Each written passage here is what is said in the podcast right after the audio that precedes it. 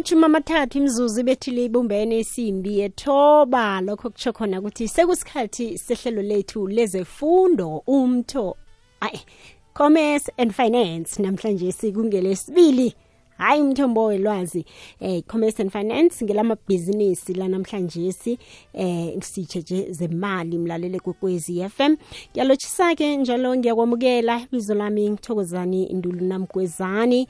Sisoke kusuka nje emlalele kokwezi FM bekubethe isimbi yechumi ihlelekile ihlelo lethu umvezi walo nguthethi Sikhosana umswako nolenga wangale ngebhundu in emlalelo f FM hlelo lethu likhumbule bona liza qobe ngelesibili nayimachumi amathathu ngemva kwesimbi yethoba bekubumbane isimbi yechumi.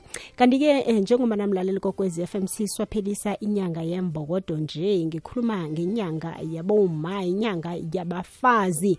Nje sithe akhe cheje umma ophumeleleko nangu ngaphasi kwebhizinisi eh, lokuhlela iminyanya.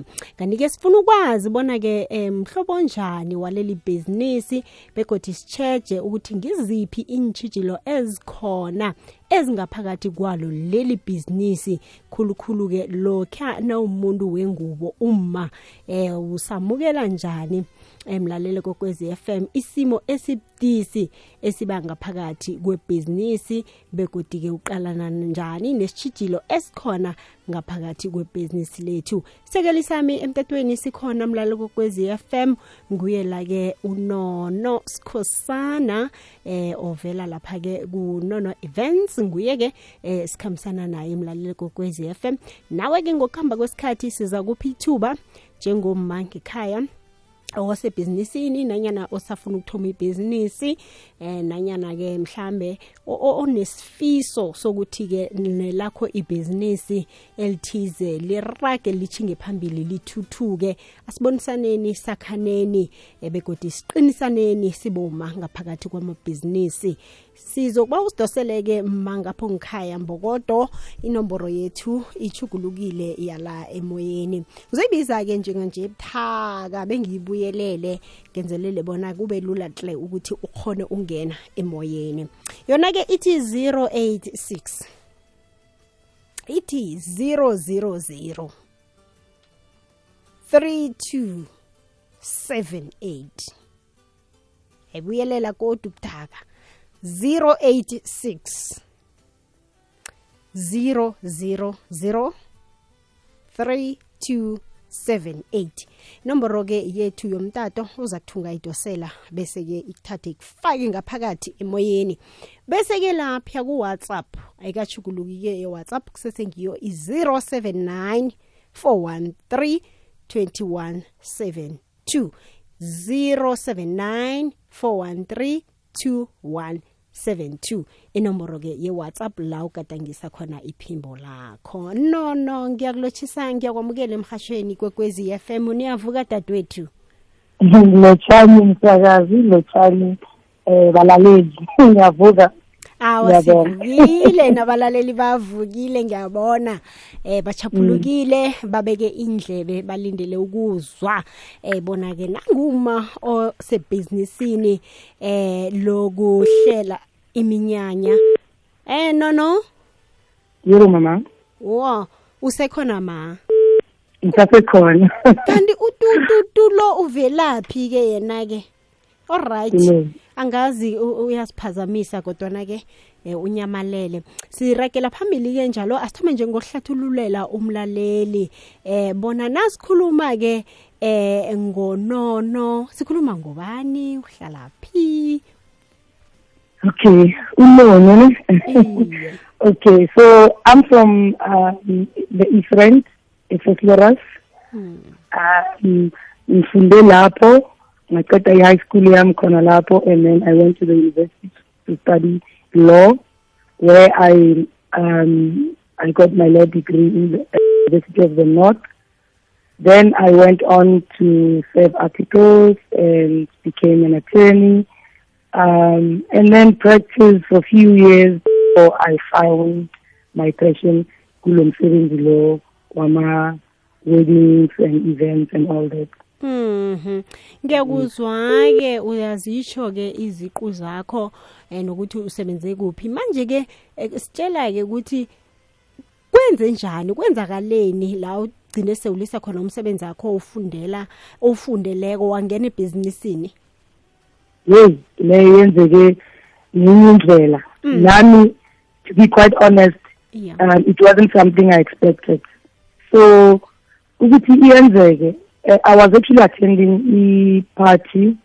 um eplene one of my best friends um and then i liked what i saw there so what happened is i guess somehow somehow i i saw something that i loved you know and then that's when I thought maybe this is something I can do, maybe part time. Then that's how I started the business because bengisasebenza then. So ngazitshela ukuthi okay, ithi le business le ngizoyenza ngama weekend because during the week I'm doing the law, the law which is something that I studied for. So ngichubeke kanjalo ngiloko ngisebenza ngenza eh umsebenzi wami legal uh, legal umsebenzi and then ngama weekend ngiloko ngenza lo wama weddings but then it became a bit difficult because uzothi uhleli usemsebenzini lapha fanele ukhulume ngama legal things get a call uthi ukhuluma ngemishado manje emsebenzini namaphathi. Uyabona into enjalo.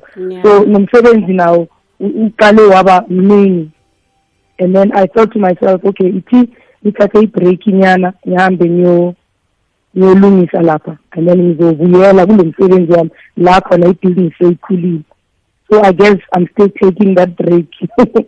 Mm, mm. ngingabuyeli lapho. So umsebenzi uyakhula ukhula even more uyayibona so um that's why i couldn't even go back there because umsebenzi. Mm. Sitshela ke kafithazana kuhle kuhle ukuthi usuke wenzani ke nakuthiwa umhleli weminyanya eh kuhle kuhle ibusiness elinjani? Kwenzakalani lapho? So ngakwenza le example ukuthi let's say maybe wena um uplana umshado. But we not necessarily wenza imishado kuphela we do ama-party Mm. yeah we do ama-graduations. We do even ama-funerals.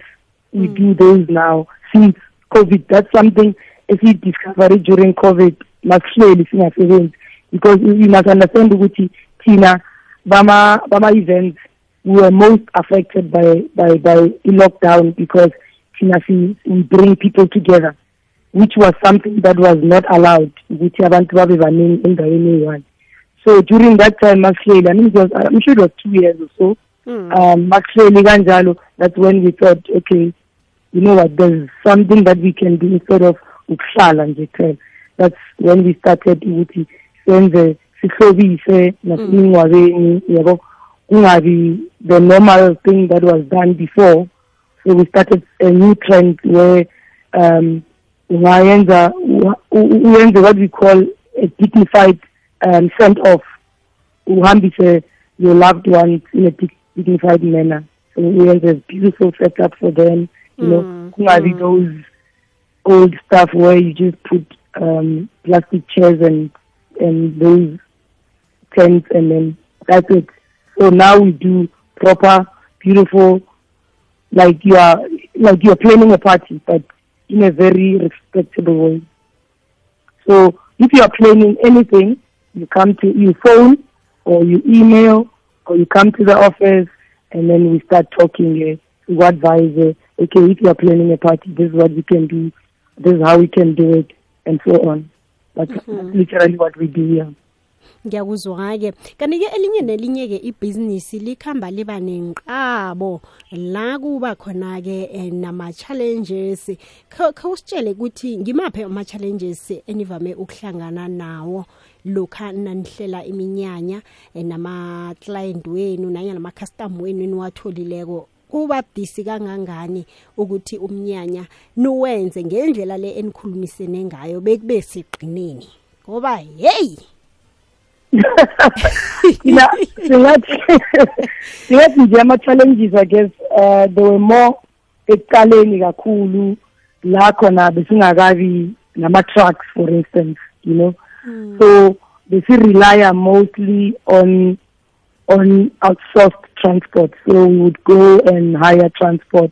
So mawenza kanjalo i'm not saying you can't hire. Yes you can hire but don't ungathembeli kakhulu ku-outsourcing you must also have eyakho i-transport uku-outsourca kube ukugcwalisela in a way mawudinga you know more transport. So at the beginning we were relying more on outsourced transport. So eh, isikhathi bekuyinkinga kulabantu ngizomtshela kahle ukuthi okay isikhathi ufike ngesikhathi esiso because lo muntu makeza phela fanele ucalculate nawe uyazi ukuthi okay fanele utshele iclient ukuthi uzofika ngesikhathi esiso and then lo muntu yena mawuloku umfonela azitshela ukuthi hayi five minutes five minutes five minutes kuba Yeah. yi-ten minutes kuba yi-thirty minutes. So i-reliability bekuyi-problem when it came to that. I think that's something that pushed us to get our own trucks to get you know more transport for our business. And that really helped a lot. Ngiyakuzwa.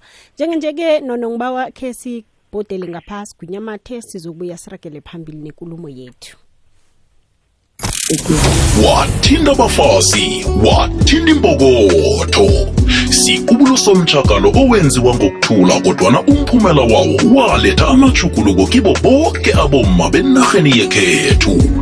Namhlanje si-ichimalango 1956 ligidingwa ukuthabela ukukhumbuzana ngendaba ezithinda abantu bengubo ekhethwa phane afrika abomma basakandelelekile ngokwamalungelo ngamathuba ngemisebenzi ukusahlelwa nokubulawa. Isewula afrika njengephasi lonke iqale ukubuchukulula ubujamo bokungakafiki u-2030 hashtag phakama mma. Ilithumi nebunane imizuzu ngaphambana nakubethe isimbi yechumi umhasho kokwezi fm kukhanya ba singaphakathi kwehlelo lezemali commerce and finance. Siyakwamukela mlaleli nawusanda uvulela umhatsho awukachaphi mina ngingu-tk namgwezani. Hlelo lethu mvezi walo nguthethi sikhosana umswako nolenga namhlanje sisitsheje indaba yokuhlela amabhizinisi. Sikhambisana nesithekeli sethu lapha-ke usesi unono sikhosana osebhizinisini lokuhlela iminyanya. Ngaba mtshato um mhlambe kungaba iphathi um mhlambe-ke kungaba iminyanya mhlambe wokuhlanganyelwa kwa- kwabomma kwinyanga yabomma um mhlambe-ke bazokubonisana bazokukhuthazana ngokuthize bese-ke uba khona uzonihlalisela kuhle um umnyanya wenu. Ngikho esikhuluma ngakho namhlanje sike yena akilo leli bhizinisi. Kuyasitshela-ke ukuthi walithoma njani begodi-ke u- u- u- ulisebenza njani ibhizinisi lakhe? Uyasho-ke nama-challenges. Avame ukuhlangabezana nawo ebhizinisini nono kuyathokoza ukungibambela dadewethu asiragele phambili. Njengobana unguma kileli bhizinisi awusiwedwa ngiyacabanga. Usebenza nabo bani? Begodi nangabe eh, bakhona bembaji osebenza nabo kuba njani-ke wena eh, njengomdosi phambili webhizinisi ukusebenza nabo? Yes i do have i have um okay siqale nga-one staff member. Hmm. Isebenza as a family. Uh, my family used to help me a lot but they still do. And then now um, i have around 30 staff members uh, abangisizayo and i believe ukuthi hawu ngibhos eguti kakhe so banga-interviewa bona bazokutshela yeah ya nangumuntu a- a- a- agida bazowahlela izandla. Hey! ayifanele ngizisho yabona? Uyazithemba. No kuhle khulu kuzwa u- ukuthi hayi eh, kuleyo uyazithemba. department ngithemba kakhulu. Kuhle khulu. Kuhle khulu ukuthemba. No no manje ke vele ngiyo into yenza ukuthi abantu bahloniphe ebhizinisini bebahloniphe nomsebenzi wakho ngoba na ungazithembi wena ngokwakho umsebenzi wakho abantu ngeze bawuhlonipha. Bazo bazokusaba nawo ukuthi ke bakuqashe ukuthi uzobenzela umsebenzi ngoba awunasho ngestori sakho. Uthi aba abantu ukuthi bayenzeni bangihloniphe. Ngisho khona ukuthi ukuzithemba kwakho kuyasiza ukuthi Oh, abantu bakhona no, definitely. ukusebenza bakhona u- ukuhlonipha nomsebenzi wakho bakhona u- Yes. ukuthemba nomsebenzi wakho ukuthi nokho uzobenzela into evuthiweko but you know, the, the, what i can say as well Yeah. to add to that um mina any client who has worked with us the- bangakutshela nje ukuthi shem i-staff sami unono ne-staff sakhe yeah they're the best. Like when it comes to professionalism, when it comes to ukuthanda umsebenzi wethu, mm. you know, akuna client esiyenzelayo engasho ukuthi wow your staff, you know, Mm. they always praise my staff because my staff love what they do and they do it with smile. Yeah. Ayaba khona-ke musa amaphutha wona umuntu owenza izinto ezinetla kodwa sekube nala kuchapheka khona ngiwaphi mhlambe ama-mistake okhe wahlangabezana nawo begodi wadlula njani-ke kiwo That's just the thing. If uhlangabezana hlangabezana ne-problem while you are doing the event, yeah the client must not even see that. For instance, let's say wenza i-event um kuphi kuphi noma kusekudeni or kuseduze and then kwenzeke ukuthi mhlambe mawuloku uthatha izinto lapho ukhohlwa in, in A1 yeah. We, ne- we solved that problem before before. The client will never know ukuthi bewukhohlwe in in a, a warehouse. That's why ngizakwazi what we njani do mina is- ngingumakoti. Ngizokwazi njani ngingumakoti ngoba You will- ngizi ngane no, no. babhizi No, ngani but angeke noma- ngaphuma noma ngizokubala uma- iy'ntulo ukuthi iy'ntulo ezangizo eziyi-hundred esizweni ngazo. no Hawa. ah, uzabona ngomuntu oyi-one amile ke.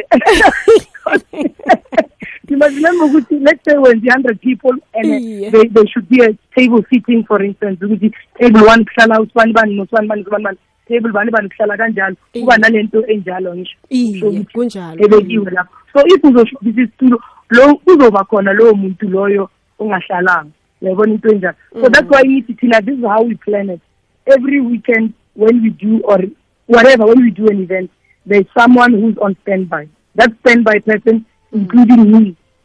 What happens is if there's something that is left behind or something like that like uh, we, we forgot for instance that thing has to be taken to that particular place. So there's always somebody just waiting to assist every group that is that is working. Because in one particular weekend, for instance, we're not just doing one event. You might find that we are doing four events, we're doing five events, and so on. We can we can go as far as ten events. I mean, last weekend it was thirteen. Mm. Two of those events were far. There, there was iterative out of those those events. So we make sure that we have somebody on standby at all times. iyazwakala mlalile kokwezi FM 086 000 3278 086 300 3278 zinomboro zethu zomtato la usidosela khona khulumisane nathi-ke mlaleli kokwezi FM la ngikhambisana khona nodadewethu la unono esikhosana kazi yena umhleli weminyanya nguma osebhizinisini leli lokuhlela iminyanya. Uzwa- umzwa akhuluma ngale ndlela-ke asho ngayo ukuthi-ke ibhizinisi lakhe eh ulithome njani begodi ulikhambisa njani bekube nje likhamba bunjani. 079 413 2172 kungenzeka ke nawe ukilo lelo business lelo mlaleli kokwezi FM nawe ke ungaphosela lakho lobodlana usitshele ukuthi wena ke uliraga njani? Bekube nje eh likhamba njani? Walithoma bunjani? Uyalithokozela na? Intshijilo ohlangabezana nazo un- nokukhuthaza nje abanye aboma abanesifiso sokulithoma ibhizinisi elifana nalelo. Siyabona nehlobo nandi liyathoma. Ningi okuzokwenzeka mlaleli kokwezi FM eh a- aboma abalindele abonunuzana lapha kwenziwa ama baby shower eh kuzokwenziwa neminyanya eh mhlambe ke yemichado kuningi nje kuzokwenzeka eh ngiyaqabanga ukuthi sesinono amathuba amanengi e- ebhizinisini mhlambe abangasiphi isikhathi amathuba iye. more work iye normally around around Easter, around Christmas. mm. As long as it's ac- actually when it's not um, when it's not winter, we are pretty busy during that time. ngiyakuzwa akhe sizwe ke when people um, do parties, um, there's weddings and so on. Yeah. ahake ke sizwe umlaleli kokwezi FM ngapha ku WhatsApp Mm lo TK ya ngiyayazi le inono events wenza umsebenzi omuhle kakhulu. Ngiyabalandela napha ku Facebook page yabo. I've seen a lot of umsebenzi wawo. Eh from ifuneral ka ka kasibusiso Dlomo umenzi nguvane to ama-party amaningi esiwawenzile and other events. Eh nga-introduce uThe Guy bekasebenza naye unono. Eh umjita athi yami ehlala ethema umbazo. Yeah. Uye angi-introduce even though ngamazi unono but i heard ukuthi umama unenhliziyo enhle. And stuff kunomunye umrhatsho futhi le mrhatsho le private le ikhuluma amapolitiki kakhulu. Ngingamuzwa khona they are pushing a good business store siyamhalalisela sithi bayabambe njalo imbokodo. Kukhanya ba ahake umsongana swego sawukolta bathungu kwathema ah siyathokoza-ke mna kwethu sithokoze Siyabonga. Mhm. yamuzwa-ke sesinono ukuthi ubabaza ubabaza kuhle kangangani umsebenzi akho Ah sibonga kakhulu. Kuyasijabulisa ukuzwa amazwi amnandi kanje. Ahake siyathokoza sizomunye godu. Lotshani lotshani emhatshweni omkhulu kokwezi FM ngilotshise nesithekeli lapho sesinono. Mina bengisaba ukubuza man bonyana eh sesinono babereka njani? Yazi kunabantu aba- a- abafaka ukudla nge- nge- ngenkotlelo namkha ngezitsha bese namcida labakhambe nazo imforoko amaplate ini ini ini ini ugcina sekulahlekile. Babereka njani namkha intulo mhlambe seziyachoda babereka njani? Lapho epho lapho kwamhlango France Bondo Giana ne siyathokoza eh france i-whatsapp yakho sesinono nidlula njani-ke lapho eyi yona inkinga. Iqiniso nje ukuthi inkinga into ezinjalo zinokwenzeka. Azenzeki kaningi zona zinokwenzeka. So into ofanele sikhulumisane neclient before um before an event ukuthi there's a possibility yezinto ezinje. So something that we need to talk to the client about beforehand sizwane ukuthi makwenzeke into enjalo how are we going to handle it. So we normally talk to the clients before before the event and agree on how we're going to handle it afterwards. Mhm. kodwana vele kuba khona lokho niyahlangabezana nazo into ezifana nalezo yeah zona ziyenzeka ngoba nasesithabe khulu namahalasi ayaphuka yeah especially mawenzela Mhm. eh ungayenzeli kumaveni maybe niyenzele estradini because sometimes angisho nibeka itende nje estradini or niyibeke estadium. So kuza wonke umuntu. Nabantu abangekho invited uyayibona izinto ezinjalo. So kuyayenzeka. Even though sometimes eh siyaba-advise nabo ama-clients if wenza into enkulu maybe kuba stadium kanjalo or noma wenzele emakhaya kuphi kuphi sometimes it is necessary ukuthi uqashe i-security as well. It does help because cabanga nje isitulo into engaka nje isitulo umuntu aphuma nesitulo nje ahamba naso athi uyohlala ngale next door. That's how these things disappear. Mm, mm. hayi Yeah. msinyazana-ke sesinono ngiba ukuthi khe sijike ngapha godi siza kubuya siragele phambili. Ahake isithandathu nje kwaphela imizuzu eseleko ngaphambi kubethe isimbi yechumi usalalela umhasho ya fm kukhanya bhali hlelo commerce and finance nokuyihlelo lezefundo olethelwa yi-sabc education enriching minds enriching lives la kukwekwezi m. Kanti-ke mlaleli kwekwezi m umindlo love uzokuragela phambili nehlelo sizigedlile. Kusuka ngesimbi yechumi bekubethe isimbi yechumi nambili. Nawusanuvulela umhasho omlaleli uphundwaphundiwe nokho kodwana-ke nokho ungakhona bona uzitholele leli hlelo uzilalelele lona esinye nesinye isikhathi ofuna ukulalela ihlelo leli ngaso. Khumbula-ke ozokwenza kukuthi-ke ungene kuwebsite yomhasho ikwekwezi fm and then-ke uzitholele i-podcast yakho. Khona amahlelo ngokuhlukahlukana kwawo. Zazikhethela-ke wena nange ufuna ukulalela lona leli commerce and finance uzolithola bese-ke ulilalele esinye nesinye isikhathi usendleleni usekoloyini usemsebenzini ngesikhathi mhlambe-ke esokudla uzilalelele amahlelo wezefundo khona ukuthi nawe wakheke ukuya phambili. Nokho-ke esikhathini lesi semzuzu emithathu esisele naso sizoragela phambili-ke sesinono sizwe godi abalaleli bethu abathumele ama-voice note engapha-ke ku-whatsapp. Ngithokoza kakhulu ukusibambela. Good evening, Ikamala Mutusha, nguThusha, ngi-PA yakhe usisinono. I would like to emphasize le ndaba ukuthi usisinono uyi-cool boss. no akakhuluma manga, she is indeed a very great boss to us. Siyamthanda naye uyasithanda, usitreat njengabantwana bakhe as a family. Siyam-appreciate all the best. More blessings to you, Sisinono, as our boss. ya kuyazwakala sesinono eh uyabona ke eh, insebenzi zakho njengoba sezitsho so kutsho khona ukuthi-ke umsebenzi owenzako kibo eh nawe wakho umsebenzi wenza kuhle. No hayi. Iqiniso yabona bengingakhulumi amanga hayi ngiyakholwa-ke njenganje. Hayi nami ngiyakholwa njenganje. It's just that i'm sure abanye angisho babhizi kuyasebenza. Abanye basemsebenzini noma sikhuluma kanje babhizi namatende khe size omunye ugodu nangu?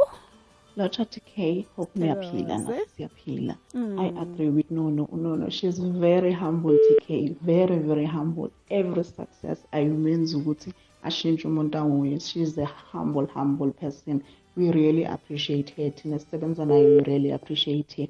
So nje umuntu nje alright kakhulu njengoba asho nje noma ngibona istaff sakhe they are always happy because of ngicabanga ukuthi lo ngilo yakhe samlalela ne ongomunye anginasiqinisekiso kodwana ngiyamuzwa naye uyakubabaza nhleke indlela osebenza kuhle ngakho. Sesinono wenza ngani-ke kusitshele hayi mina i believe into yokuthi if uphatha abantu kahle nabo bazokuphatha kahle back. Ya ya. Yeah i, I really believe that and i'm seeing the, the, the fruits of that. Ngiyakuzwa-ke. Njengobana elinye nelinye ibhizinisi sesinono liqalene ne-competition. Ngabe mhlawumunye-ke linjani eh, ibhizinisi lakho emaphaliswaneni eh, njenge-event organizing? Linjani? Eh, sorry angizwanga. Le I- i- ngiyazi ukuthi i-competition hey ikhona emabhizinisini. Manje wena? U- usebenza njani ngapho iqiniso nje ukuthi i-competition is everywhere. Mm. so wena bheka obhekane nako bheka into ozitshele ukuthi uyenza yona. Ungabi ungabheki into zabantu kahle kahle. Concentrate on what you do and what and do it best. Mm. so if uzimisele nje ukuthi you want to do this this business best as you can because uyayithanda because you are good at it. Just go on and do it. All right. Locha TK, hope niyaphila hmm. nathi siyaphila. I agree with Nono. Nono, she's very humble TK, very very humble. Every success ayimenzi ukuthi ashintshe umuntu anguye. She's a humble humble person. We really appreciate her. Thina sisebenza nayo we really appreciate her.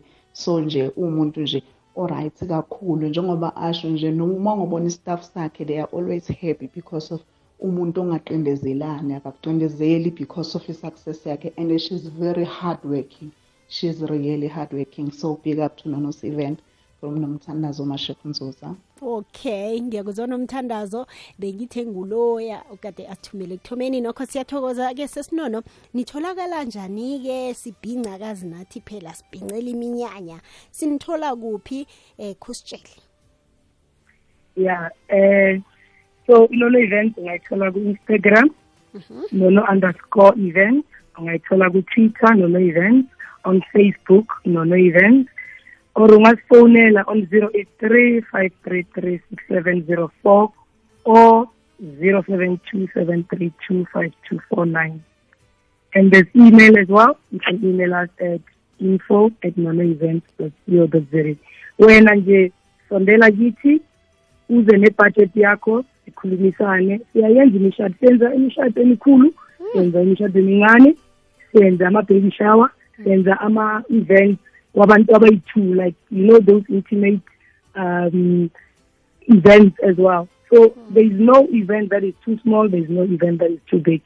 So hmm. asenzela ama-celebrity kuphela senzela wonke umuntu. It's just that obviously ama-celebrities they do post. So most of our other clients they are very private our our post bona into ezinjalo so people babona ngathi maybe senzela ama-celebrities kuphela but wonke umuntu sicela usondele uze nebudget yakho sikhulumisane sizobona ukuthi singanisiza kanjani. Ngibukeleke la ephejini lakho kufacebook sesinono inthombe. Eh, kungitshele la ukuthi eh mhlambe indlela yokuhlobisa le i- ni- nisusela kuphi ni- ni ni- ni- i-creativity le eninayo ivelaphi sesinono ngoba sithi nasicala sibone kulomnyaka sekungilokhu kulomnyaka lokhu akusekho sekungilokhu nikususelaphi Eh, eh. konke lokhu kuvelaphi hayi hayi nami yazi yani nginokuzibuza kodwa i think Mm. ngathi nje it's a gift because Oh. as as you as you saw nawe ukuthi mina kahle kahle I'm an attorney by profession so this is something that engithandile nje. Mm, And- mm, I guess it's just in the blood. Maybe mangakuza umamami nogogo wami abazali bami. Mhlambe bona ikhona ibuya maybe italente libuya lapho maybe Oh. mangasho angazi. But it's something that I really really love. That's why I always say when I advise people aba abafuna ukungena kule business ukuthi ngena if you really really love this business because if you understand ngempela mm. it will not feel like work. It will be, it will feel like it's a, it's a hobby like that. Mm. But if awuyithandi, wona awukho awukho lula lo msebenzi. Uzowungala. Mm, mm. Yeah. Mm, hayi sithokoze khulu kwamambala sesinono besingaqoqa bekuphumela kusasa kodwa isikhathi sengiso-ke salako esiphiwe sona sesiphelile. Ngithokoze khulu kwamambala ukuthatha isikhathi sakho uzokhulumisana nathi eh njengenono events. Sibonga kakhulu ukuthi nisibize. We are really honored to be here. Thank you so much. kokugcina nje amezwi ongadlulisela kiboma abasebhizinisini leli lokuhlela iminyanya nalaba abasafisako ukulenza leli bhizinisi ungathini kibo Um, I would say to them, if you really like if you really love this business, please mm. go for it. mm. Um, unga ungangeni kulo because ubona ngathi hey ngathi loya muntu loyana wenza imali. Ungangeni kulo because of that. Ngena kulo because uyathanda ngempela. Kodwana yona ikhona ne? Ye-